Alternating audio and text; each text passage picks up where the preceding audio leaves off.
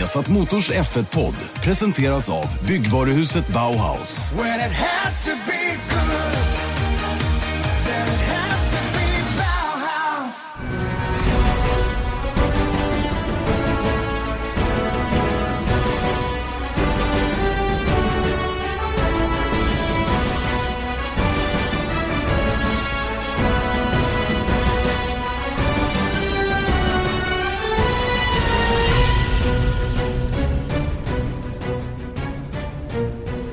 Extremt välkomna till Viasat Motors Formel 1-podd. Ny vecka, ny podd, racevecka igen.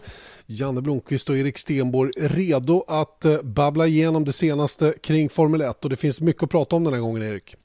Det gör det. Allt möjligt från eh, gamla krascher till eh, nya förslag och nytt race och allt, allt möjligt. Ja, typ ett frikännande eller vad ska vi kalla det som hände igår på Fias möte i Paris där. De eh, hade satt sig ner, de ledande hos eh, det internationella motorsportförbundet för att i första hand försöka avgöra om man skulle ta caset till den så kallade tribunalen som man har för att det liksom skulle kunna bli eh, ytterligare åtgärder. Jag pratar förstås om Sebastian Vettel, Lewis Hamiltons lilla sammanstötning i Azerbajdzjan i Baku där eh, bakom säkerhetsbilen på det 19 varvet när Vettel upplevde att han blev bromstestad blev grymt förbannad, körde upp bredvid Lewis Hamilton, körde in i Hamiltons vänstra framhjul med sitt eget högra och eh, fick 10 sekunder stop and go-straff för förseelsen. Eh, och eh, det här eh, var det ju många som hade synpunkter på, inte minst då Fia som ville titta närmare på hela förloppet för att skaffa sig en god grund för att eventuellt ta det här vidare och ge ytterligare bestraffningar eller fria. Vilket jag tycker att man gjorde igår. Hur ser, du, hur ser du på eh, det som, eh, det som nu blev utkomsten av alltihopa? Alltså, det finns ju, om man tittar på rättssystem, så, så har vi ju, eh, han har ju fått eh, villkorligt. Villkorligt och samhällstjänst skulle jag kalla det. För att använda eh, civila eh, benämningar på det. Han ska alltså få... Han, för det första bad han om ursäkt. Han var oerhört ledsen för att han hade påverkat uh, unga tittare. Nu ja. Negativt. Ja, visst. Nu. Det är klart att man, uh, man anpassar sig efter situationen. Såklart. Det gör vi alla, så det är inget unikt för Vettel tror jag i ett sånt läge. Nej, men och det, det som jag tycker är lite roligt är att han, han får då... Han har ja, antagligen blivit tvingad då till att vara med på i någon form av utbildningsroll på, i, i F2, F3 och någon, något Formel 4-mästerskap. Eh, Hur kan det komma att se ut? Mm, det kan man ju undra. Ehm, jag håller med dig om att det här var ju en slap on the wrist så att säga och inte speciellt mycket mer. Ehm, däremot så tycker jag inte det var någon villkorlig dom. Däremot samhällstjänst, det håller jag helt och hållet med på. Men han kom ju faktiskt av där utan att ha något ytterligare hot om avstängning över sig så att säga då, vilket jag trodde det skulle kunna bli. Ehm, Fettel Vettel har ju sina nio straffpoäng på licensen inom en 12 månadersperiod och skulle han dra på sig tre till i Österrike, ja då blir det ju ett race avstängning. Men det försvinner också poäng efter Österrikes Grand Prix. Så det är inte lika jag, allvarligt det där va? Jag påpekar på det som eh, Jean Tott säger då att om han gör någonting inom kommande 12 månaders period så kommer följderna bli om man visar upp sam, samma beteende igen så då kommer det bli väldigt allvarligt. Det är ju praktiken samma sak då som jag trodde det skulle kunna bli, nämligen en villkorlig dom Eh, Eh, ett race, att man verkligen sa det också. Du får ett race avstängning villkorligt. 12 månader Eh, vilket hade satt en enorm press på Vettel att, att, eh, att eh, liksom hålla sig i skinnet. Nu är ju det du beskriver egentligen samma sak. Det är bara det att det inte blir lika tydligt och det tyckte jag var lite konstigt faktiskt. För här trodde jag nog att Fia skulle vara extremt tydliga med att det här accepterar man inte. Man vill inte blanda sig i mästerskapet därav en villkorlig dom så att säga. Va? Men samtidigt bilan över huvudet på Vettel att inte göra om det här igen. Speciellt inte efter det som hände i Mexiko för inte så himla länge sedan där han också eh, betedde sig himla illa och, och fick ganska tydligt be om ursäkt till, till Fias representanter. Mm. Men det var ju därifrån han också har fått några av de här straffpoängen. Exakt. Då, många av dem kommer ju därifrån. Mm. Eller många, några. Eh, så att, eh, nej men alltså, jag tror bara att nu har de koll på honom och jag tror att de förstår att det här kanske är lite lågt räknat, eller vad man ska säga. och därför måste de liksom dra till med lite andra grejer. Men jag tror också att de är lite oroliga över att paja VM-fighten.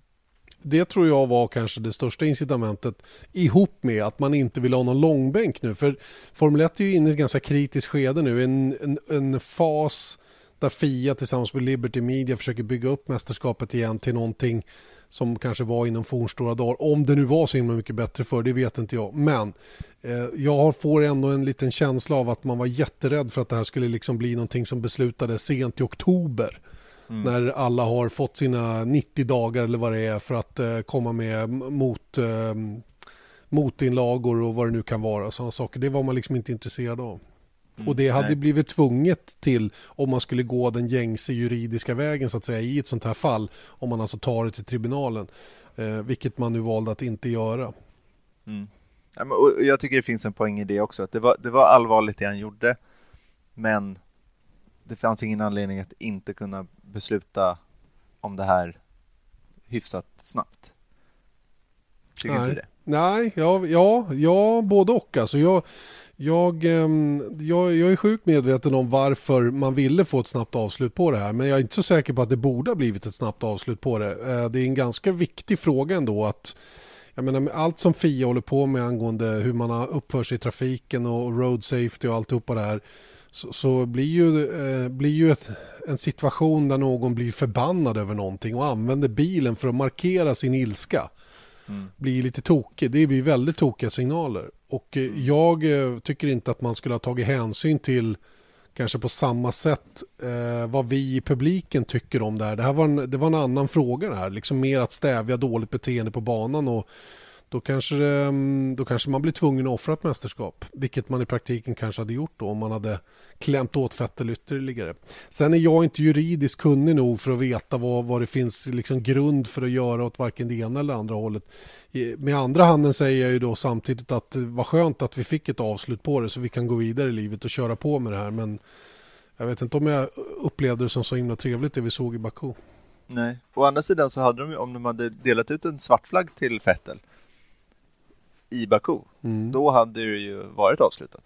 Det hade jag inte varit förvånad om det hade blivit på det viset. Men det krävs mycket mod att göra en sån, eh, göra en sån grej kanske. Och jag vet inte om det modet finns där uppe. Eh, vet inte heller vad, vad det står i regelverket, vad de har för stöd för att göra en sån åtgärd heller. Det, det, det kan inte jag svara på. 10 sekunder stop and go, ja. Så som det blev så, så drog han ju faktiskt ifrån i VM då med tanke på att Hamilton råkade ut för sina problem. Mm. Ja, men det var ju faktiskt inte... Jag hade inte med fötter att göra, nej. Inte nej. ett dugg. Så att, eh, nej, jag vet inte riktigt. Jag, jag eh, det, det som jag tycker är lite konstigt här det är att det, det blir ju än en gång lite rörigt. Att man vet ju inte riktigt hur beslutsunderlagen ser ut. Utan det, det vi har läst, det, det står ju text. Vi har inte sett några siffror Nej. på hur det här har sett ut. Liksom att, eh, ja, men kolla på telemetri eller, eller annat heller, utan det är inte offentliga handlingar, utan det är ju, de skriver ju eh, Hamilton gjorde ingenting dåligt och sen så skedde det här och sen så har vi beslutat det här. De, tycker du att Fia kanske skulle vara ännu mera öppna i sådana här frågor och kanske offentliggöra all data de hade? Det tycker jag själv. Få... Självklart. Mm. Självklart, jag saknar verkligen den transparensen och det gäller inte bara det här domslutet utan många andra också som blir lite mer kontroversiella. Alla små grejer det bryr jag mig inte det minsta om. Men av, av mer dignitet så att säga där, där det kan finnas tveksamheter om någon bromsade eller inte eller hur det nu var in i en situation, var det styrlock eller inte. Eller, ja, du vet, där, det, där, man, där man kan ha stor nytta av den typen av bevismaterial, då tycker jag absolut att det borde offentliggöras, ingen tvekan. För att liksom bara vara tydlig med att det här är beslutsgrunderna som vi gjorde det här på. Eh, man, jag, jag känner ju lite mellan raderna på, på de som jag själv interagerar med på blogg och sådana saker, hur vilket misstroende det finns ändå mot FIA. Eh, hur, hur, många tror att de liksom påverkas av de stora motortillverkarna och att man, eh, man har inget, vi har liksom inget oberoende beslutande organ inom motorsport, vilket jag inte alls håller med. Jag tror självklart att de är eh, oberoende och starka i det avseendet. Självklart finns det påtryckare från alla möjliga håll och kanter, det är jag oerhört medveten om. Men samtidigt är det ju ett komplicerat regelverk, det finns eh, lagtext så att säga att stötta sig mot eh, när man behöver ta viktiga beslut. Så att, eh, jag, jag, känner inte att det, det är liksom så här, men hörni, det är ju Ferrari som är inblandade nu så att vi, vi tar lite lätt på det här va. Så sitter man väl mm. inte vid bordet och säger utan det är ju, det här är viktiga frågor och det här måste liksom hanteras därefter och jag tror också att det gör det. Jag vill tro att det gör det i alla fall. Samtidigt så sa vi ju precis själva att vi tror att på något sätt att VM-fighten kanske har någonting med beslutsfattandet att göra. Mm. Och då är det ju fortfarande så att om det nu har varit så så måste man ändå ha något form av lagstöd för det. Ja. Och det är det som är grunden till alltihopa. Det ska finnas någonting som, som ligger till grund för att man kan ta de beslut man tar. Och eh, om vi säger så här då, om, om vi ponerar att det är VM-fighten som, som ändå finns i bakhuvudet någonstans. Och det här är ju rena spekulationer från din och min sida också. Jag oerhört tveksam till att någon skulle bekräfta att det var ja, så. Det, det, det eh, så, så, eh, så, ehm, så är det ju trots allt inte riktat mot någon, någon individ utan mera mot sportens, eh, mot sportens bästa, inte vet jag. Visst, mm. det får ju påverkan för individer, inte minst för Lewis Hamilton som eh, hade kunnat haft ledningen i mästerskapet eller i alla fall varit närmare eh, om Vettel till exempel inte hade fått några poäng i Baku senast. Å andra sidan, det där är ju ifs but som, som liksom är svårt att ha med i en sån diskussion överhuvudtaget. Det är så många tillfälligheter. Men eh, jag tror fortfarande att det, det jag misstror i alla fall inte Fia när det gäller att ta rätt beslut sådana här gånger. Det gör jag inte. Jag tror att kompetensen finns och att eh, man, man gör rätt saker. Jag håller med dig om, om den saken. Sen så tror jag att kanske att jag ska inte likställa eh, men, men det finns ju ett ganska stort misstroende för eh, staten, eller vad man ska säga, i, i hela världen just nu. Om man tittar på, på Trump-supporters och sådant. Och då vill jag inte likställa eh, dina bloggläsare med Trump-supporters, absolut inte. Men det kan ju vara a sign of the times, så att säga också. Absolut, visst kan det vara så. Och, och, men samtidigt så kan jag nog konstatera att det har varit betydligt värre inom det internationella motorsportförbundet tidigare. Eh, med, ja, med Balestre, Balestre och hela den grejen och, och hur det var envåldshärskare som styrde på ett annat sätt. Men idag är sporten alldeles för stor för att det skulle kunna fungera på samma sätt idag. Så att eh, nej, jag tror, eh, jag tror att man är oberoende och att man eh, inte ligger med någon så att säga. Om jag får uttrycka mig lite grovt här. Eh, så att, eh, ehm, ja, men som sagt för att, för att hänga kvar vid det du sa från början här. Skulle, skulle bevismaterialen offentliggöras? Ja, det tycker jag definitivt. Sen, sen är det ju återigen så hur, hur kan vi kontrollera att de stämmer? Är de, är de, ja, så vidare. Va? Det, det kommer ju alltid finnas ett visst mått av, av liksom osäkerhet i det avseendet och då, då vet inte jag hur stor nytta det gör. Nej, och jag tror om vi i alla fall säger att Fia är liksom opartiska. Mm. Då kan man ju konstatera att de här människorna är, de skriver lagboken så att säga. Så de vet vad som står där inne och de vet, de har säkert rätt beslutsgrunder i minsta fall. Och jag tror inte att de är partiska. Jag håller med om den saken och därav är de långt mycket mer kunniga runt sådana här beslut överhuvudtaget. Mm. För och... att jag menar, jag tror att väldigt många som tittar och även vi tar våra beslut mycket på känslor. Och det, det ska ju de inte göra, helt enkelt. Nej, verkligen inte. Va? Och hur kapabla är vi andra att bedöma eh, den här typen av komplicerade, eh, komplicerade saker då, när det gäller till exempel hur man läser ett reglement, lagtext och vilka påföljder det ska vara och så vidare. Va? Och det blir ju det blir ju många gånger diskussioner utifrån vilka preferenser man har kring föraren i fråga och så vidare. Va? Så det, det, är svårt att, svårt att eh, föra riktigt eh, objektiva diskussioner kring det. Mm. Men eh, vi kan då runda av den här just den här historien med att Vettel alltså inte får något eh, extra sportsligt straff. Eh, han får eh, göra en offentlig ursäkt för, för sitt uppträdande som jag tror redan har kommit. Eh, via något Ferrari-uttalande. Han eh, tvingades givetvis be om ursäkt till Fias representanter vid mötet igår. Han tvingas också hjälpa till med utbildning av unga racerförare i, i diverse racingkategorier på privat tid som han då uttryckte det. Eh, och eh, det, det, med, med, just detta nöjde sig då Fia och sa det att men skulle någonting liknande inträffa igen under de närmaste 12 månaderna då kommer han direkt att hamna i den så kallade tribunalen då för, eh, för bedömning, rättslig bedömning på ett annat sätt. Och dessutom så får han inte förekomma i någon form av road safety eh, marknadsföring. Han kanske tycker det var skönt. Det, det skulle jag kunna tro faktiskt. Ja, lite sånt, sådana åtaganden har ju förarna då i och med att Fia är väldigt noga med just den här biten då. Då är det inte, kanske inte så lämpligt att använda Fettel i just den reklamen för just nu. Nej. Sen tycker jag rent privat själv personligen att Fettel borde gå och fundera lite på lite anger management. Mm. Nu, ja, för nu är det ju liksom, nu har han ju vid två tillfällen visat att han har ganska kort stubin. Mm. Han har också visat att omdömet inte är det, det, bästa vid de här tillfällena när han blir riktigt, riktigt arg.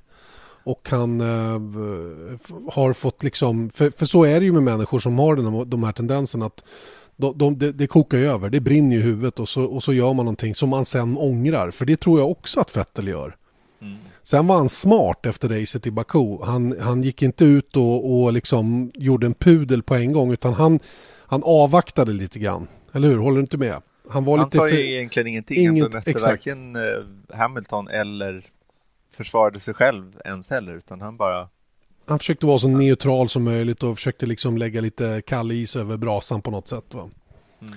Eh, men nu när, när han visste, att, eh, visste vad som krävdes av honom för att komma av kroken så att säga, då blev han ju lite tydligare med att han ångrade det han hade gjort. Yep. Alright, vi skickar en kurs i anger management till Sebastian Vettel. Vi står dock inte för kostnaden. Nej, det har han råd med själv. Det har han definitivt. Han tjänar mycket pengar. Jag har hört ett rykte för övrigt att han har förlängt med Ferrari ända fram till 2021. Vad tror du om det? Inte orimligt. Nej, det är det inte. Vi ska återkomma till silly season längre fram. Det är ju eh, inte, har inte riktigt bubblat upp ännu. Vi kan väl landa i Österrike tycker jag. Mm. Lägerskolan som vi eh, brukar kalla det. Eller hur? Våran fina lägenhet. Eh, som, vad hette han nu farbrorn som vi ska träffa där? Jag kommer aldrig ihåg. Helmut. Han, Helmut heter han ja. Det är ju klassiskt namn på en ja. österrikare som hyr ut lägenheter i Nittelfält. Det är klart han heter Helmut. Har han läderhosen? Det vet jag. Jag har aldrig träffat honom. Jo, det kanske jag har förresten. Det brukar vara någon annan som hämtar ut nyckeln eller om det ens är Helmut som kommer att lämna nyckeln. Han kanske har hjälp av någon. Eh, oavsett så eh, bor vi alltså i ett hyreshus, där har vi berättat förut inne i lilla Nitterfeld som är ungefär 10 minuter från, från Red Bull Ring. Och eh, det här hyreshuset brukar befolkas av eh, tv-team, journalister största allmänhet. De lägenheterna som finns. Eh, de är i eh, okej okay skick och det är självhushåll.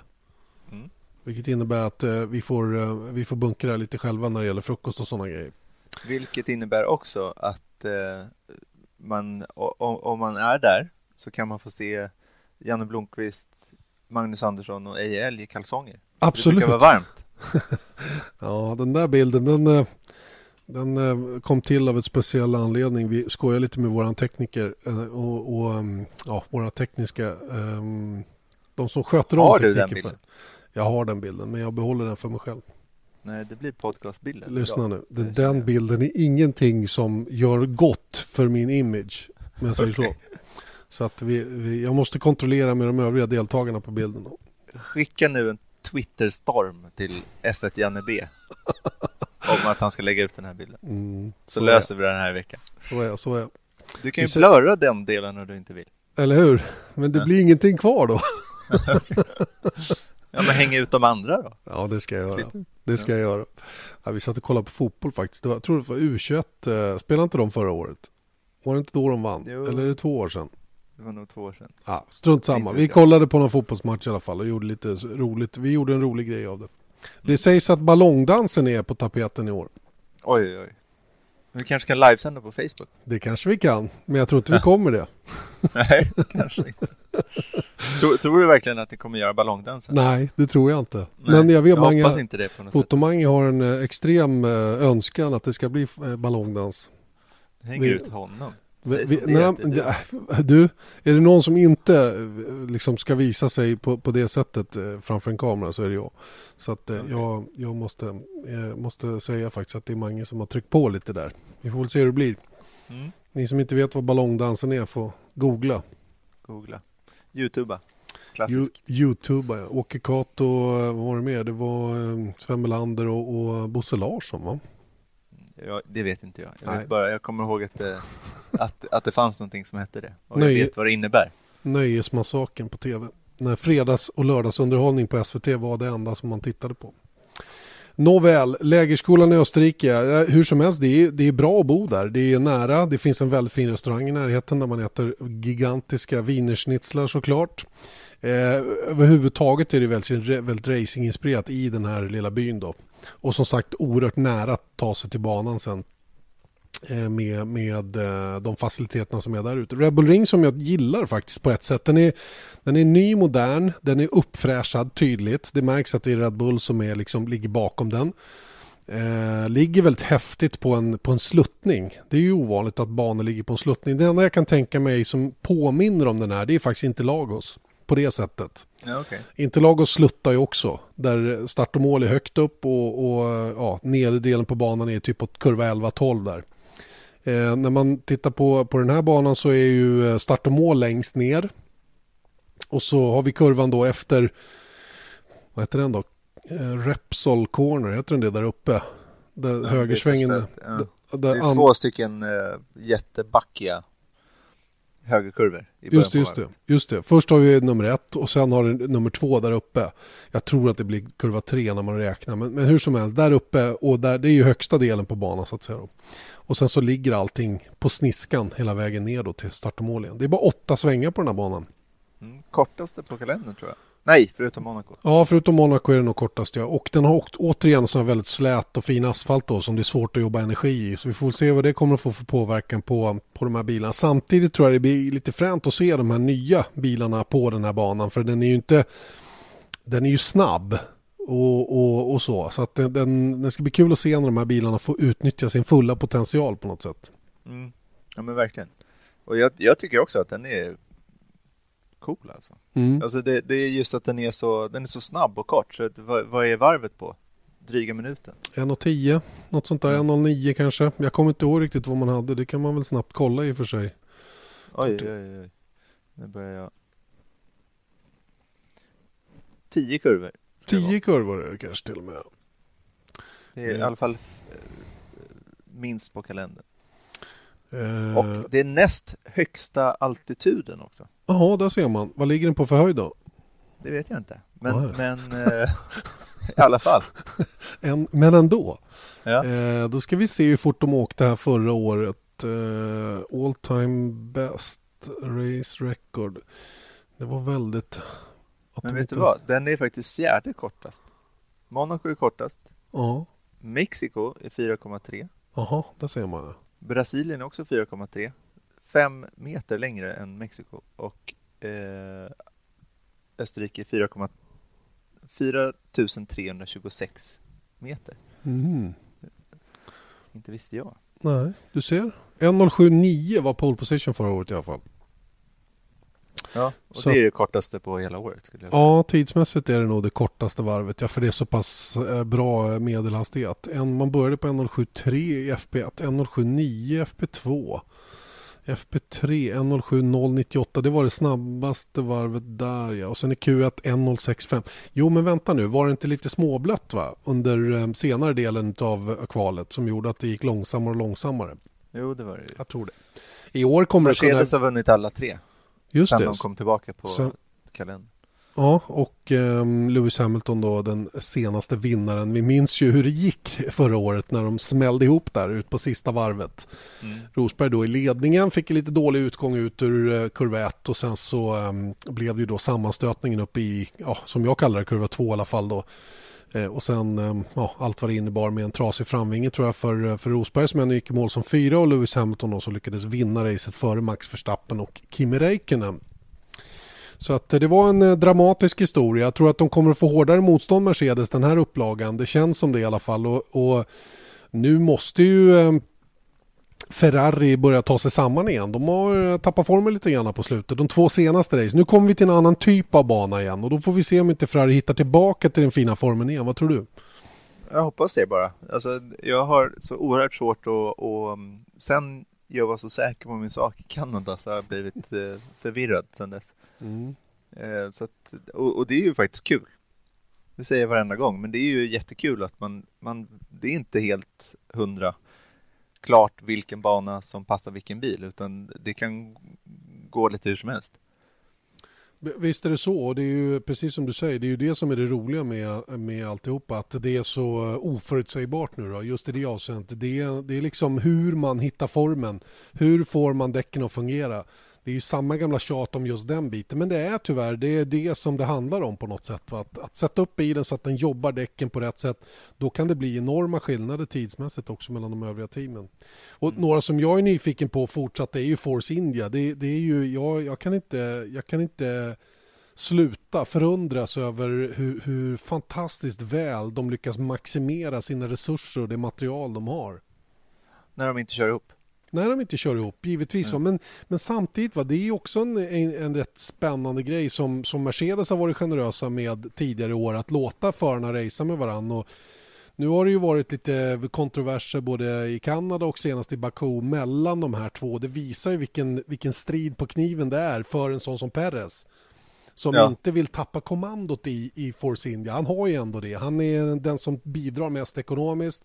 Han är den starkare ut, utav dem rent statistiskt fortfarande men Ocon knackar verkligen på dörren här och, och, och Esteban Ocon har ju i sin tur en väldigt stark partner i Mercedes som, som, som supportar honom och det där är nog lite trixigt för, för Perez för om, om Merca helt plötsligt börjar liksom att känna att nej, men nu måste vi supporta Ocon lite extra här med, med vad det nu kan vara. Jag är lite konspiratorisk här nu men det är ju så när förare har support från en fabrikant som levererar motorer till ett mindre team. Det är ju inte, det är inte långsökt att de vill hjälpa till lite extra. Nej, verkligen inte. Men du ska få möjlighet att prata lite mer om det här. Vi kommer köra på lördag, kommer vi fokusera lite extra på Force India, mm. berätta lite om dess ganska brokiga historia och sen så ska vi, eh, har vi bjudit in eh, någon högt uppsatt person inom Force India. Antingen om det kan bli Bob Fernley till exempel eller Ottmar Schnaffnauer mm. eller Tom McCullough. Ja, varför inte? Tom McCullough som är chefsingenjör numera, var inte det? Mm. Eller är han till och med något annat? Sporting Director eller något? Jätte, jätteduktig är han i vilket fall. Men alla de tre är väldigt eh, vältaliga och bra så att vi har någon av de tre kommer vi få möta på lördag. Kul och detta då inför, eh, inför kvalet då eh, vi eh, som sagt då går igenom det här teamets historia som har haft lite olika namn genom åren. Ja, Jordan, Spiker, Midland mm, och Force India. Och Force kanske, India. kanske kommer få något annat. Just det, det lutar ju åt att de ska byta från India till ett istället, Force One. Mm. Det är lite kul. De har reggat typ tio olika företagsnamn. Force India, nej, Force One Limited, Force One Racing, Force One eh, Technologies, Force One, alltså det är hur många som helst för att de vet inte riktigt vad de ska heta. Men du, är det inte så att det finns en massa underbolag då i organisationen som de måste flytta över och, och ha samma namn på så att säga? Kan det inte vara det också? Jo, absolut, men sen så är det att de, de, de är inte helt, jag läste någon artikel om det där och det är under, fortfarande det de måste först få tillåtelse av FOM att byta namn, vilket inte är helt lätt. För, I varje fall Bernie, han var inte alls så speciellt sugen på att man skulle byta namn. Vi vet ju till exempel hur första året med BMW hette det väl fortfarande bara Sauber mm. eh, när de körde ihop och sen så blev det BMW Sauber och, och, och allt möjligt. Så han, han, var väldigt så här hängiven att man skulle ha historien kvar. Och, eh, eh, men de lutar sig mot att Braun fick byta namn till Mercedes första året. Just. Ändå också, så då, så ja, hit och dit. Men, men kanske ett eh, nytt namn nästa år. Det kan tänkas, ja. Det om detta. Du ehm, läser också idag att eh, Ross Braun vill försöka lätta på reglerna för, för nya motortillverkare att komma in i, i sporten och eh, han, eh, han använder ju ett exempel som vi har då, ett existerande exempel som inte eh, det går så bra för, nämligen Honda då som är inne på sitt 50, 60, 17, de är inne på sitt tredje år och eh, fortfarande långt efter konkurrenterna då. Vi vet också att de till den här helgen tar fram en Spec 3 utav sin motor som kommer att sitta i båda bilarna. Eh, man testade ju den framgångsrikt under fredagen eh, i Baku och var nöjda med de siffror som motorn gav och nu har man fått klartecken från Japan att köra den här Spec 3 då i båda bilarna. Får se vad det innebär. Hur som helst, Ross Braun vill försöka lätta på reglerna och säger bland annat då att Eh, om vi tar Honda-caset att, att Formel 1 är beredda att gå ganska långt för att hjälpa Eh, Honda att komma upp på samma nivå som de övriga. Man har ju sagt att man vill ha ungefär tre tiondelars differens som mest mellan motorfabrikanterna som finns i Formel 1. Ross Brown säger också att han vill ha Eh, att det ska vara skillnader mellan de olika motorleverantörerna. Han tycker att det ska vara en ingrediens i Formel 1 han drar parallellen på 70-talet när alla åkte de här eh, Cosworth V8 som, som var egentligen bara ett, ett utrymme mellan chassi och växellåda som man uttrycker det då, då alla hade samma grejer och det var andra saker som, som spelade roll. Och, och eh, han vill måna om att det här med motorerna fortfarande har en viss påverkan ändå på resultatet. Men eh, det kräver ju då att alla får möjlighet att komma upp på den nivån och det, det är nog bra att börja tänka i de banorna inför ett nytt motorreglemente då, som verkar vara på gång kanske 2020 eller 2021. Mm. Vad säger du? Every year one thing is always predictable. Postage costs go up. Stamps.com gives you crazy discounts of up to 89% off USPS and UPS services, so your business will barely notice the change. Stamps.com has been indispensable for over 1 million businesses just like yours. It's like your own personal post office. No lines, no traffic, no waiting. Sign up with promo code PROGRAM for a four week trial plus free postage and a free digital scale. No long term commitments or contracts. That's Stamps.com code PROGRAM. Nej, men det är ju rimligt, absolut. Men då, det leder mig in till att tänka på någonting annat och då är det, är reglementet och tekniken så komplicerat i det här fallet, om man tittar på Honda, eller är det Honda som har bommat? För att jag känner ju så här, okej, okay, alla, Renault hade jätteproblem och allt vad det var 2014, men de har i alla fall kommit ikapp. Nu är de inte, liksom, de slår inte Mercedes eller Ferrari, men, men till exempel så var det ju en väldigt tydlig stege Mercedes, Ferrari, Renault. Mm. Och alla tillverkarna har ju haft sin beskärda del av problem. Ferraris första motor 2014 var ju katastrofdålig, ärligt talat. Alldeles för tung och för dålig effekt. Och de enda som har varit riktigt starka redan från start är ju Mercedes. Sen har ju de andra i olika, i olika grad fått kravla sig ikapp så att säga då. och eh, det här har ju Honda då inte lyckats lösa och, och för att svara på din fråga om motorreglementet är för tekniskt, för komplicerat, kanske det. Men samtidigt visar ju Mercedes att det inte är omöjligt att lyckas heller. Nej, och, de, och, och, Ferrari och Ferrari att komma ikapp. Precis, och Renault också i viss mån då att komma ikapp. Så att eh, någonstans så ligger väl sanningen mitt emellan. Mm. Att Honda har bommat eller att eh, det är för svårt med de givna förutsättningarna att, att uh, få till ett, ett, fungerande, ett fungerande paket. Ja, och, och jag menar, det känns ju som att det är ganska stor konsensus att nästa eh, motorpaket som kommer användas i Formel 1 kommer vara tekniskt avancerat men inte lika dyrt.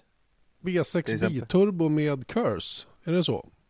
Ja, det vet inte jag faktiskt. Jo, men det, det, det, det, det är det det pratas om så att säga som det mest troliga alternativet. Då. Dubbelturbo alltså och en V6-motor och en betydligt enklare hybridlösning då än, än som vi hade förr i tiden och egentligen ett, ett Curse där man plockar upp energin då från, från bromsarna via Ja, och, då börjar jag tänka, ja, och då börjar jag tänka då, ja, är inte det lösningen på problemet? Snarare än att hjälpa. Förstår du? Att... Självklart, men, men det tror jag Braun menar nu, det är ju att försöka behålla Honda. Ja. Han, han, vill ju inte tappa dem så att säga. Va? Och kommer de med en formell begäran om att få lite underlättning. Jag tror inte Ross Braun heller menar att Formel 1 ska och det säger han ju ordagrant i artikeln också, att vi ska inte gå in och tala om för dem hur de ska designa motorn. Det är inte den typen av know-how vi ska ha. Men kan vi underlätta på andra sätt för att Honda ska få ordning på saker och ting så, så är de beredda att göra det eftersom det är en viktig partner för sporten. Och det har jag också uppfattat att det är många som tycker att, att det, det, man får inte tappa Honda nu när de har laddat in så mycket pengar. Det är viktigt för dem att, eh, ja, det är viktigt för alla inblandade att, att det blir bra. Ja, och det kan man ju inte säga någonting emot. Men jag tycker samtidigt att så här, ja, man börjar tumma lite om man ska få fördelar. Då måste det finnas någon nackdel också att få det. Mm. För helt plötsligt så kommer någon och säger så här, men nu vill vi, nu känner vi inte att vi, nu är vi fyra tiondelar, kolla. Exakt. Vi måste hjälpas till att få en tiondel till här. Det är lite som Ja. i GT-racing när de åker och håller igen för det här med balance of performance, alltså BOP som man använder. Och så kör man lite lugnare då i lite mindre viktiga tävlingar för att få mer effekt då när det blir de, de intressanta racen. Ja, och då är det en slippery slope alltså. Och då, för då börjar det bli komplicerat på, för att ens förstå det. Mm. Det men, men å andra sidan så har vi ju ett... Eh, MotoGP gör ju, har ju redan haft en sån här eh, stege, eller vad man ska säga. Eh, men- det är bränsleåtgång mycket, som jag förstår det. Det Så har jag också fattat det att man, att man är lite generösare med hur mycket bränsle man får använda då i, i, för satellitteamen. Då. Ju mindre team man har så att säga och så får man lite lättnader för att trycka Ja, ihop fältet. Så också. att, säga. Mm. Att, det, att de får mjukare däck då, att de ska komma... Eller ja, andra däcksval helt enkelt. Exakt. Eh. Men det där är ju någonting som Formel 1-sporten har motsatt sig. Man vill inte ha two-tire eh, utan man vill ha ett och samma mästerskap så att säga. Mm, och det är där jag tänker då att hur ska man kunna lösa det här? Det kanske går jättelätt för att bara så här, om, om Honda säger så här, vi vill ha hjälp att få tillåtelse att göra det här till exempel. Ja, fine. Men jag menar, helt plötsligt så kommer, vadå, ska de komma med en V8 sugmotor eller en Indycar-motor som de liksom får, inte vet jag, men det, det blir ju ett team får hjälp, ett annat får inte det. Det blir ju lite konstigt. Det, det, där kommer, ju- det där är nog vackra ord men jag undrar om det, det går att lösa ärligt talat. Va? Eh, På ett eller annat sätt så, så vill man ju försöka behålla Honda i sporten, så är det ju. Och det leder mig in på en dröm jag hade. Vill du höra? Jaha. Ja. Ja, det, om den inte är så psykedelisk. Nej, det är den inte. Den är, den är väldigt uh, typiskt eh, mig. Eller Okej. i alla fall Formel 1 -ig. jag, började, eh, jag drömde att, att Hondas motor helt plötsligt började fungera som den ska under hösten här 2017. Mm. Går, som, går som tåget, blir bara bättre och bättre. Och, och McLaren jobbar på, får sina nya specifikationer av motorer och i praktiken blir de då, då försökskaniner åt Honda. Får hur många bestraffningar som helst resten av året men kanske belöningen att man kan köra om en seger i slutet av året. Eh, sen så går Honda, eller McLaren till Mercedes och blir Mercedes fjärde team. Det vill säga långt ner på, på hierarkilistan i det gänget. Eh, Sauber då som fortsätter köra Honda, ja de blir topp 6 nästa år. Och sen ramlar jag ur sängen och slog mig och bara fan. Ja. ja, det är väl det var väl så den drömmen skulle sluta. Eller hur? Eller hur? Men känns det som en sann dröm eller? Nej, Var det det är- sådär när du vaknade att det här är ju det här, är- Skämt, är skämt åsido så, eh, så tror jag att det här är ett tänkbart scenario i, i viss grad. Jag tror absolut att Honda kommer att jobba, de kommer att utnyttja det som är kvar av det här året så länge som de har eh, McLaren kvar eh, till att försöka få bantid och få fram en motor som de har nytta av fram till, till 2018. Men det finns ett väldigt, väldigt intressant rykte att det kanske inte sitter någon Honda-motor i Mercedes eller i McLarens bil redan till eh, en tävling under hösten här. Jag vet inte vilken riktigt va, men, men eh, det är rätt intressant det här ryktet för det, det kommer från en bra källa och det är inte, det är inte uh, skitsnack utan det här, är, Nej. det här är på riktigt. Sen är det inte säkert att det går att lösa. Och det är nog inte bara rent tekniskt och hela de bitarna men, men eh, ja, alltså man har i simulator kört med en ny power unit i McLaren-bilen och gjort väldigt, väldigt fina resultat. Eh, Så att eh, vi får väl se. Det handlar ju om att köra en Mercedes-motor då istället för Honda. Och Ja. eh, det där eh, skrev jag någonting om i bloggen för, för ja det var under Baku-helgen för övrigt va, när jag fick reda på just de här uppgifterna. Och det här, eh, det här känns sjukt intressant. Det ska bli spännande att se om det blir av till att börja med. Mm. Vilken grej. Vi som har sagt att det är Att det var omöjligt. Ja, Ja. och det baserar vi på Eje så jag skyller helt och hållet på honom. Ja, ja, ja. Så Så att, då eh, säger vi så. Men sen så kom ju Charlie Häggstam, den gamla Caterham och? Marussia och Manor, man, mekan- man, just det. mekaniker som sa att det där är inte alls svårt. Det är bara kylningen som måste till. Bultarna sitter på samma ställe. Exakt, så att byta själva hårdvaran är inga större konstigheter. Och sen kräver det naturligtvis omdesign av bilen och då är det homologering och hela den där grejen. Så att jag vet inte hur enkelt det är att få igenom det här. Men ja, om, om McLaren nu ändå tänker sig att försöka, då borde det ju vara möjligt. Rent, Det- det- rent reglementsmässigt. Ja, annars vore det Ja, otroligt pointless. det. Jag menar det. Jag, menar det. Ja, jag tycker det är, det är ett spännande rykte faktiskt. Och jag fick det väl också i Baku mer eller mindre bekräftat att Honda och McLaren kommer att gå skilda vägar. Eh, inte så att någon gick och sa det direkt i ansiktet men jag, ja, jag, Det hö- höll eh, öronen på spets. jag, kan, jag, jag står för det. Mm så att säga, för jag vet var det kommer ifrån. Eh, så att eh, vi får väl se vad, vad som kommer att hända i den frågan. Det blir ju eh, det blir spännande tycker jag eh, den här hösten med Honda. Och låt säga att den här Spec 3-motorn nu som man kör i Österrike, säg att den börjar visa liksom tecken på att först och främst hålla och nummer två även leverera prestanda. Då, då känns det ju inte nattsvart för ett team som Saab i alla fall som ska köra Honda-motorn nästa år. Ja. Nej, men jag tycker man har sett lite sådär att eh, okej, de har lite problem att hålla men de tog poäng i alla fall sist och eh, de, Alonso kvalar ganska bra Mm. med tanke på förutsättningarna. Så att jag menar, det finns ju någonting där ändå. Verkligen, verkligen. Ja, Men, in- men tänk om, eh, om de har en Mercedes-motor och sen så helt plötsligt så börjar de slå Red Bull. Det, det, det, nej men jag önskar ingen annat än att, att McLaren är med där framme. Det är ett team som ska vara med i toppen. Jag har sagt det förr, jag håller fortfarande fast vid det. Det är, det är klart att det är ett toppteam.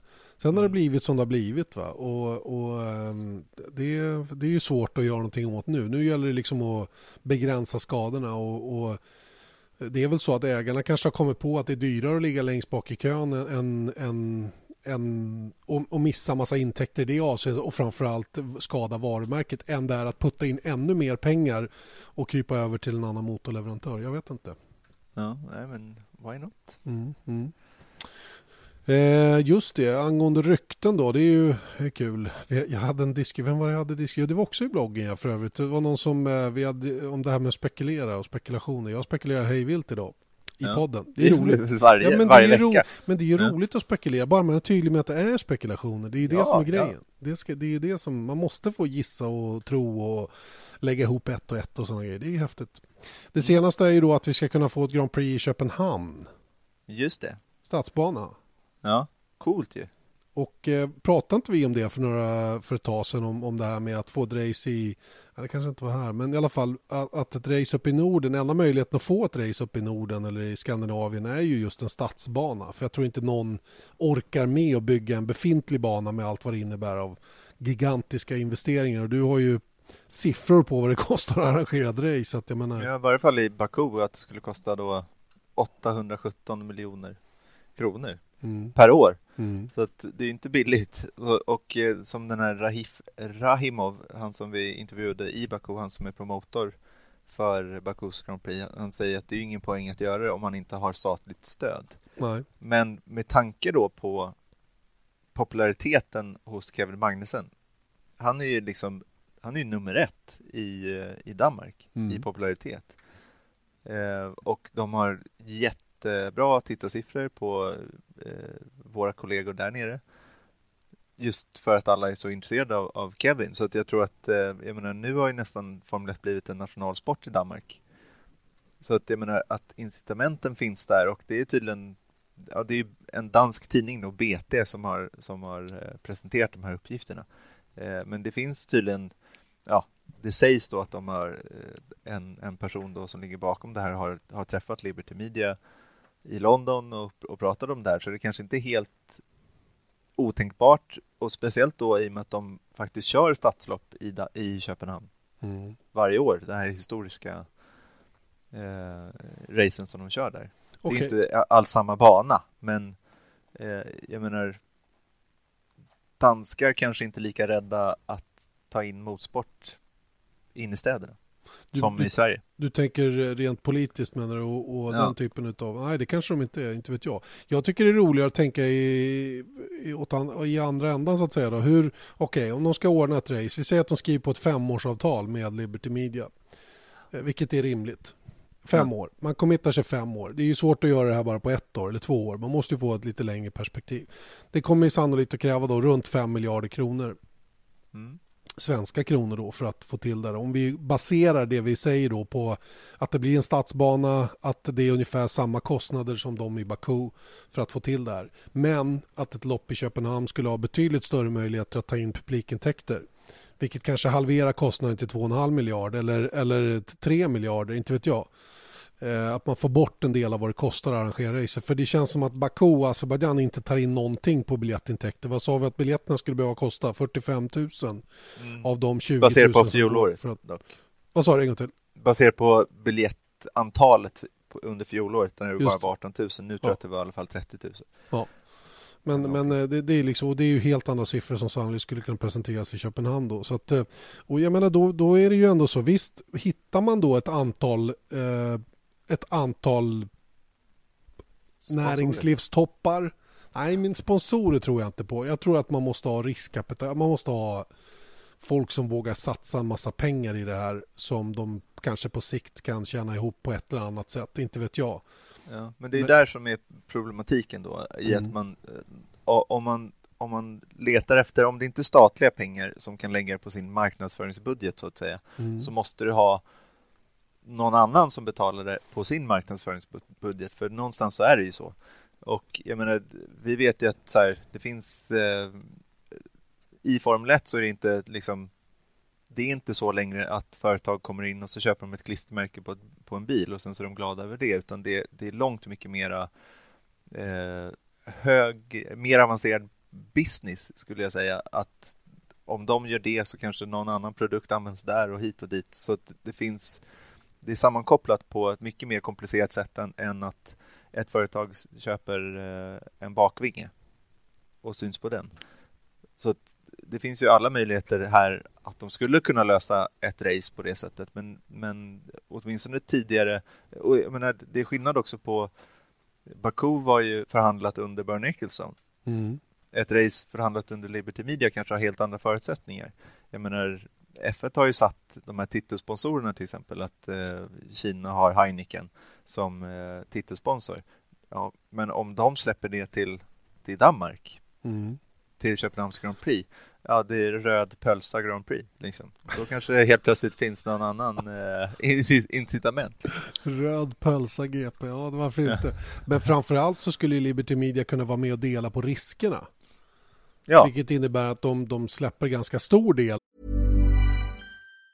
Confidence starts with loving who you are. And when your skin feels nourished and glows on the outside, you naturally radiate confidence from the inside. Give your skin a glow up with Osea's clinically proven Mega Moisture Duo. This ultra hydrating body care features two of Osea's best sellers, Undaria Algae Body Oil and Undaria Collagen Body Lotion. These seaweed powered heroes use skincare level ingredients normally reserved for your face for results you can see and confidence you can feel. Osea has been making clean, clinically proven seaweed infused face and body care products for over 28 years. This luxurious skincare is vegan, cruelty free, and climate neutral certified, so you never have to choose between your values and your best skin. Glow from the inside out. Get 10% off your first order with code GLOW at OseaMalibu.com. That's O S E A Malibu.com code GLOW. Vad det kostar att arrangera det till, till, eh, till den danska arrangören och sen så eh, är man med och tar del av eventuella vinster. Det känns ju mycket mer rimligt eh, att man gör på det viset då. och ehm, sen kanske att man gemensamt försöker hitta en, en, en titelsponsor som man kanske delar 50-50 på eller, eller 60-40 åt något håll, inte vet jag. Beroende på vad man kommer fram till. Då. Bara alla kan räkna hem svarta siffror på eventet så att säga. Då. Lego Lego, Lego Grand Prix Lego, vore ju coolt. Lego Grand Prix. Och sen tror jag när du pratar statliga pengar, jag tror säkert att staten skulle kunna vara beredd att lägga en del ja. eh, som marknadsföring då. För att det, det, är väl helt klart att Danmark som land betraktat skulle ha stor nytta av ett sånt här stort event. Och eh, då är det väl inte mer rätt att eh, danska staten då eller skattebetalarna är med och lägger en liten del, en, en liten, men lägger en del i alla fall hur mycket ja. det nu skulle kunna vara. Det, det tror jag. Jag vet inte, jag hoppas att de kan räkna hem det där. Det vore ju hur fränt som helst att ha ett Grand Prix i Köpenhamn. Ja. Ja, det, alltså, vilken dröm. Och det, det, är någonting som man sett som omöjligt fram tills att man började läsa. Det här är bara rykten där också. Mm. Men det, det, är liksom jag vet inte, det är någonting med de här nya tiderna runt, under Liberty, att man tror att ja, men möjligheterna inte helt stängda längre, utan eh, jag menar förut så var man så luttrad mm. under Bernie, att man bara sa okej, okay, men ska svenska staten lägga 817 miljoner? Nej, det kommer inte ske. Liksom. Nej, inte. Det, var, det, var, det, var, så det behövde bli. Liksom. Mm, mm. Ja, jag fattar. Men här... Ja, låt oss se vad som kommer att hända. Yep. Du, du, eh, vi pratade om Fettel tidigare och hans eh, bestraffnings... Eh, att han slapp ytterligare bestraffning. Det var ju dessutom på hans 30-årsdag. Ja, det måste ju ha spelat stor roll. Eller hur? Det känns som den kanske viktigaste punkten av allting. Att han på sin födelsedag när han fyllde jämnt och allting mm. inte fick någon mer bestraffning. Han fick däremot en annan lite speciell present. Mm, av Kimmy. Var det verkligen så? Jag trodde det där var fejk. Jo, men det, det är det nog. Fake eller på riktigt? ja, det, vi vet inte längre i den här, i den här podden, men, men eh, det finns ju en liten... Eh, vi får backa tillbaka lite tror jag och, och tänka på vad vi säger. Men, men eh, det finns en liten rolig eh, klipp här på att Kimi Räikkönen gav Vettel en, en vacker present. En isskulptur? Av sig själv, ja. Just det. Ja. Som det stod Iceman på. Det, ja. det hade ju för sig varit stor humor om det stämde. Ja, men eh, det finns en liten... Eh, och då en, blir ju det här skämtet från, från Sällskapsresan ännu roligare. Herr Ober, Icebitter, eftersom det vi pratar om en tysk för. Ja. ja. Så att man kan ju dra det där långt som helst. Men en, en fin 30-årspresent. Mm. Om det, Nej, men det var en, en UPS-reklam mm. helt enkelt. Och sen ja. så ser man Kimmy har markerat sin eh, bästa kompis eh, födelsedag i kalendern och sen så går han in i sin lilla bod och, och sågar till en, en isskulptur som han skickar med UPS. För det går så fort, nämligen med UPS, till eh, Spanien där eh, Sebastian Vettel är eh, oerhört glad över att få sin lilla isskulptur. Fantastiskt, vilken underbar liten historia. Magiskt, ja. magiskt. Tänk så vänligare med mot varandra teamkamraterna i Ferrari. Verkligen, mm. verkligen. Ska right. vi prata om någonting eh, lite viktigare? Ja, det kan vi göra. Vi kan, eh, vi kan ta upp vår lyssnarfråga som idag inte kommer ljudledes för, eh, för det gick inte att lösa rent tekniskt den här gången. Men Erik Wallenman hörde mm. av sig till mig. Och eh, han, eh, han har gjort det tidigare och, och velat veta det här och vi har väl touchat på ämnet lite grann tidigare men han är, med, han är inne på vilken typ av teknologi testas i, har testats och testas i Formel 1 som sen kommer i våra vanliga bilar. Mm. Och det är en rätt intressant fråga. Inte för att jag är jättepåläst på ämnet men eh, du har lite bättre koll.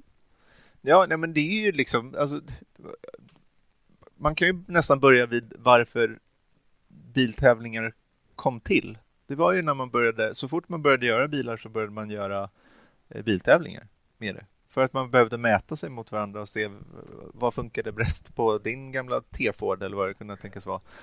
Och eh, andra, så racingen är ju i sin mest grundläggande form skulle jag säga en, en testplattform för de som gör bilar. Mm. Och inte bara Formel 1 då, utan även i andra avseenden då, där man, eh, ja, överallt där man tävlar. Varför, jag menar, ja, vi behöver inte gå in på detaljer. Jag kan helt enkelt inte alla detaljer. Det enda som jag, som jag minns, jag var väldigt så här förundrad över, det var ju när paddelväxellådorna kom i Formel 1-bilar. Den semiautomatiska växellådan som till att börja med bara hade en koppling och som var väldigt ryckig då varje gång man valde ny växel och hela den biten. Och sen har ju det utvecklats och blivit dubbelkopplingsväxellåda som blev något väldigt eh, avancerat. Eh, så kan man, det på engelska kallas det för seamless gear shift och det sitter ju i princip varenda automatväxlad bil idag. Eh, att man har så kallad DSG då, eller sån dubbelkopplingslåda då, med allt, med allt vad det innebär. Det är ju det är en sån där grej som är väldigt påtagligt och som kommer från den här typen av racing. Var det inte Ferrari som hade det i sin bil från 89 första gången. Jag tror det. Jo, jag tror faktiskt att det var det. Mm. Och sen kom Williams eh, efter med just det. Just det. För utvecklare. Men, men bara det, är, det, det är ju sådana där små grejer som till exempel att nu är det faktiskt paddlar. Jag hade någon liksom low-end eh, Mercedes som hyrbil när jag var på någon resa här förra veckan. Och den har ju paddlar. Det är ju ingen sportbil utan det är ett praktiskt sätt att ha växel spaken så att säga. Mm. Så, så det är en, en sån grej. Och sen så, men utifrån det som vi började med, att, att det är en, en, en testplattform, det är ju att se liksom på vad, hur däckutvecklingen går. Alltså det finns ju en tudelad... Det är klart att däckstillverkare som Pirelli är där för att eh, i marknadsföringssyfte. Titta, man kan köra Formel 1 på våra däck. Det är klart att, att det är en jättestor grej, men det, de har ju också tekniken de utvecklar för att hantera eh, sina F1-däck används ju i deras performance-däck till vägbilar också. Mm. Det, det, är ett givande och tagande så att säga. Är Eh, det jag kan tänka mig en annan grej apropå elektronik i en bil som eh, växellådor. Det är ju den aktiva fjädringen som, som eh, eh, det var Colin Chapman va? i Lotus som, kanske som var var. föregångare till det. Och sen så kom det till Williams och, och sådant. Och det var ju för, allt var ju för att det skulle gå fort. Men där helt plötsligt, därifrån kan man ju se antydan till på dagens bilar nu också hur mycket elektronik och eh, till exempel antisladdsystem finns. Eh, som, som kommer från Formel 1 eller racingen. Eh, mycket riktigt var det Colin Chapman som utvecklade originalkonceptet av en, en datahantering utav en hydraulisk eh, hjulupphängning eller fjädring på bilen då, i, åt, under 80-talet. Eh, så att eh, det var, ju, det var ju där det satt från början. Det var väl också en Lotus som gjorde att man tog bort det från Formel 1, var det inte det? Jo, jag tror att det var det. Det var Al- så- Alexander Ardi som kraschade på spa när hans aktiva fjädring slutade fungera. Just det. Men sen så har vi ju skivbromsar. Det kommer till, det tror jag var till MA som man tog fram skivbromsar till exempel. Och nu sitter det i varenda bil. Det är ju ingen som har trumbromsar längre i, i, i nya bilar. Eh, aerodynamik som koncept kommer ju från racingen också. Okej, nu kan vi eh, dels gå snabbare om vi gör strömlinjeformade bilar. Men också eh, ja, marktryck helt enkelt, downforce. Mm. mm. Att man gör bilar och man bygger dem med där man försöker skapa undertryck under bilarna också. Man kan ju se slutdelen av bilarna. eh, Det är inga Venturi-tunnlar direkt men, men man, man ser vad de är ute efter så att säga. Och det där blir ju det, det ger ju bilen en bättre, eh, bättre egenskaper så att säga. Ja. Men som och, sagt, jag är långt ifrån en expert där så att jag ska inte... ja, men sen kan man ju se det som att i, i, i racing och i Formel 1 så handlar ju aerodynamik i mångt och mycket om att få bilen att gå fortare och sen kanske används det i vanliga bilindustrin till någonting annat, till exempel för att sänka bil, eh, bränsleförbrukning. Till exempel. Så det är ju Mm. innovationer som kanske plockas upp av biltillverkare som kanske inte används i samma syfte men, men enligt samma grundkoncept så att säga. Mm. Visst, visst 17 är det så. Och jag menar, all den data man samlar in där man får reda på hur olika lösningar fungerar. Spinofferna kan ju vara enorma för, för eh, vanliga bilar så att säga. Och jag, menar, jag vet inte om du har nämnt det redan men, men sportbilar idag är ju byggda med säkerhetsceller i kolfiber och sådana saker. Och det, det är ju fortfarande extrema maskiner men det är ju ehm, ja, det är, det är ruggigt intressant i alla fall. Ja, men säkerhet överlag är ju också en sån där innovationsgrund som, som har utvecklats jättemycket inom racing. Som, jag, jag, det var väl, jag, jag kan tänka mig att säkerhetsbälten hade mycket eh, med det här att göra. Tidigare så var ju racerbilarna så farliga så att de, det var så mycket bränsle i dem så man ansåg att det är bättre att slängas bort från från racerbilen när du kraschar än att sitta kvar i den för då exploderar det. Vilken sjuk, Ja. vilken sjuk tanke. Att, Ja. du- Snacka om att välja mellan pest eller kolera. Ja, verkligen. Flyga in i en sten eller ett träd med huvudet före i en papphjälm eller, eller sitta kvar och brinna upp. Ja, exakt. Att Du någon exploderar vill- i alla fall inte. Att någon ville racea överhuvudtaget. Ja, men en av de här första böckerna jag läste när jag var liten, typ 11-12, var en, pappa som, eh, en, en bok som pappa hade i sin bokhylla som heter Bakom dånande motorer. Och det var en Bernt, Bernt Rosmeier som körde för Autonion på 30-talet. Och då är det en, han går ju åt då i en krasch och då hittas han typ 50 meter ifrån bilen med skorna kvar i bilen efteråt. Och så han flög ut då, för de hade ju inga... Och det, alltså där gick ju liksom i... Du vet hur däcken såg ut? De var ju typ 7 centimeter breda och höga som liksom häst och vagndäck. Just Och så körde de med 350 kilometer i timmen på... Nej, det var helt sjukt. Helt sjukt är Så ordet.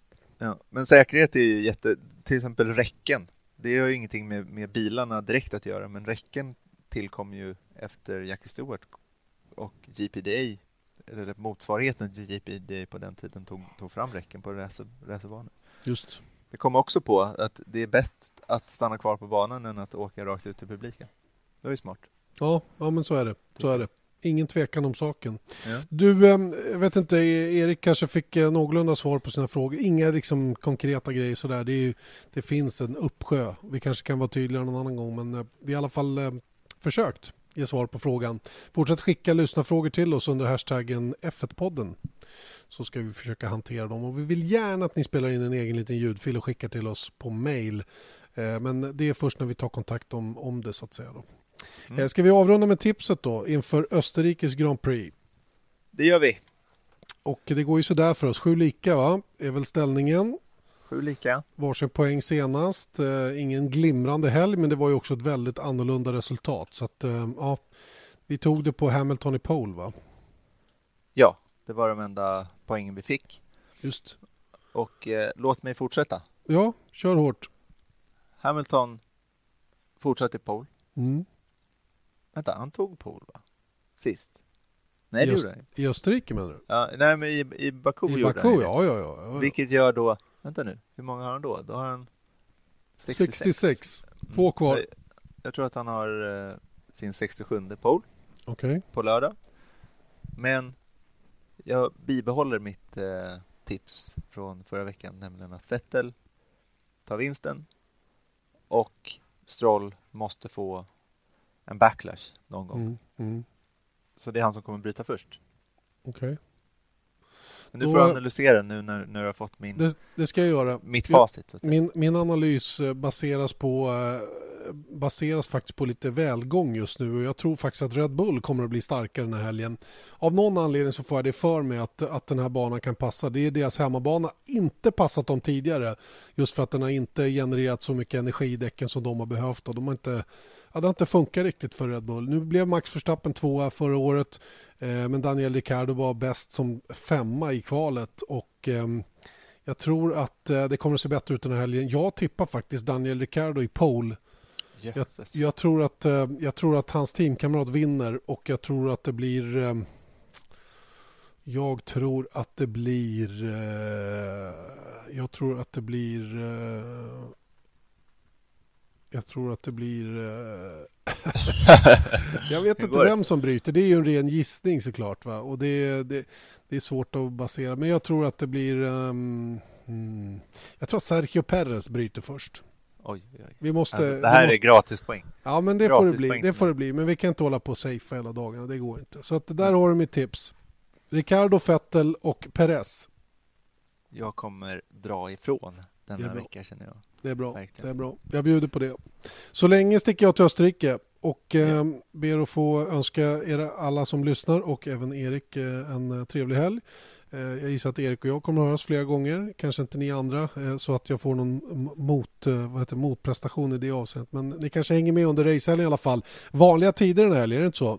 Jo, ja, Europatider. Ja, 9.55 fredag träning 1, eh, 13.55 fredag träning 2, eh, 10.55 lördag träning 3 och 13.40 startar vi sändningen inför kvalet och sändningsstart på söndag 13.15 och med racestart 14.00. Och glöm inte heller att det är F2 och Porsche Supercup den här helgen som ni inte ska missa. Det blir en hel del att hänga med på motormässigt kommande helg.